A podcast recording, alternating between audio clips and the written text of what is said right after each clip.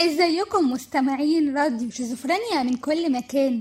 معاكم أنا ريم هشام من برنامج شخصيات مبدعة ولسه مكملين في الامتحانات ومنفوخين فيها. بس بإذن الله خير وتعدي السنة دي علينا فرح وسعادة وبتمنى النجاح والتوفيق لنا كلنا. في حلقة النهاردة هنتعرف عن شخصية جديدة. هتكون مختلفة تماما. مش هتكون عن فنان أو مغني أو شاعر. هنتكلم عن المخترع المصري اللي قدر يساعد الصم والبكم إنهم يتعلموا إنهم يتعاملوا مع الناس وما يلاقوش أي صعوبة إن هم يتكلموا معاهم. هو عمر عبد السلام الشاب المصري ولد في محافظة الدقهلية وعنده 19 سنة وقدر بعزيمته وإصراره المستمر إن هو يثبت إن هو قادر على المستحيل. فاخترع نظارة بتساعد الصم والبكم على التعلم الذاتي والتواصل مع الناس بكل سهولة. عن طريقها بيقدر يحول الصوت لإشارة والعكس والاختراع ده فريد من نوعه وما كانش موجود قبل كده.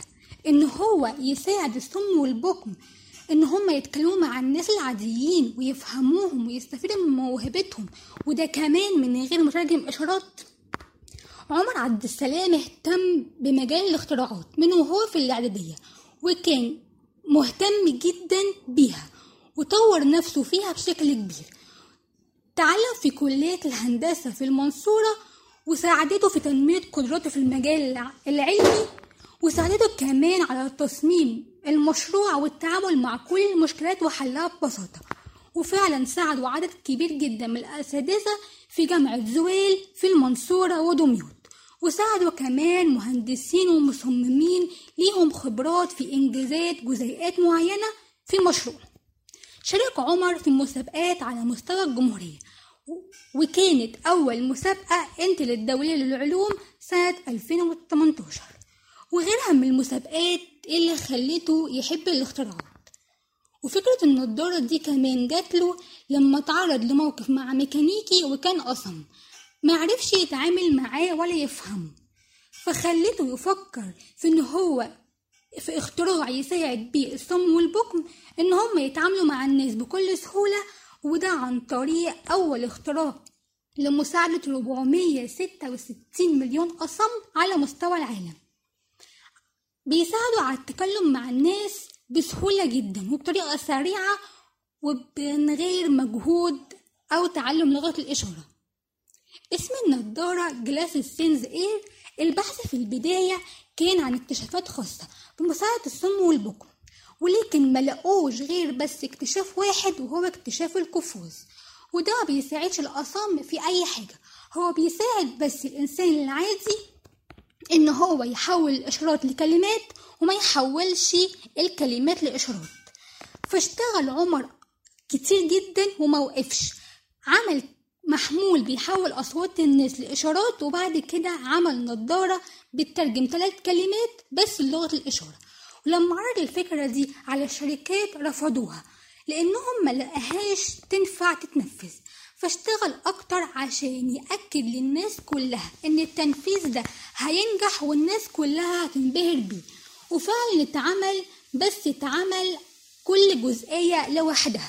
بتحول الإشارات لكلمات وتحول كمان الكتابة لإشارات وده عشان النضارة تساعد في وظائف كتير جدا وأعمال كتير جدا.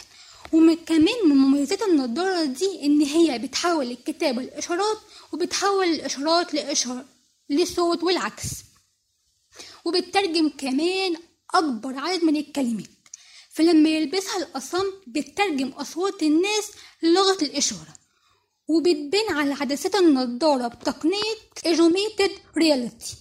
وبتترجم إشارة الأصم لصوت بيتردد من السماعات للنضارة. الصعوبة بقى اللي واجهت في عملها إن المواد الخام ما كانتش متوفرة وما كانتش موجودة في مصر. وكمان صعوبة إن هم يجيبوها من الخارج عشان تكلفتها عالية جدا. ومفيش دعم ومساعدة مالية وتقنية حتى الآن. والنضارة لحد دلوقتي سعرها غالي جدا. وإن هو عمل أول تجربة ليه من مال الخاص.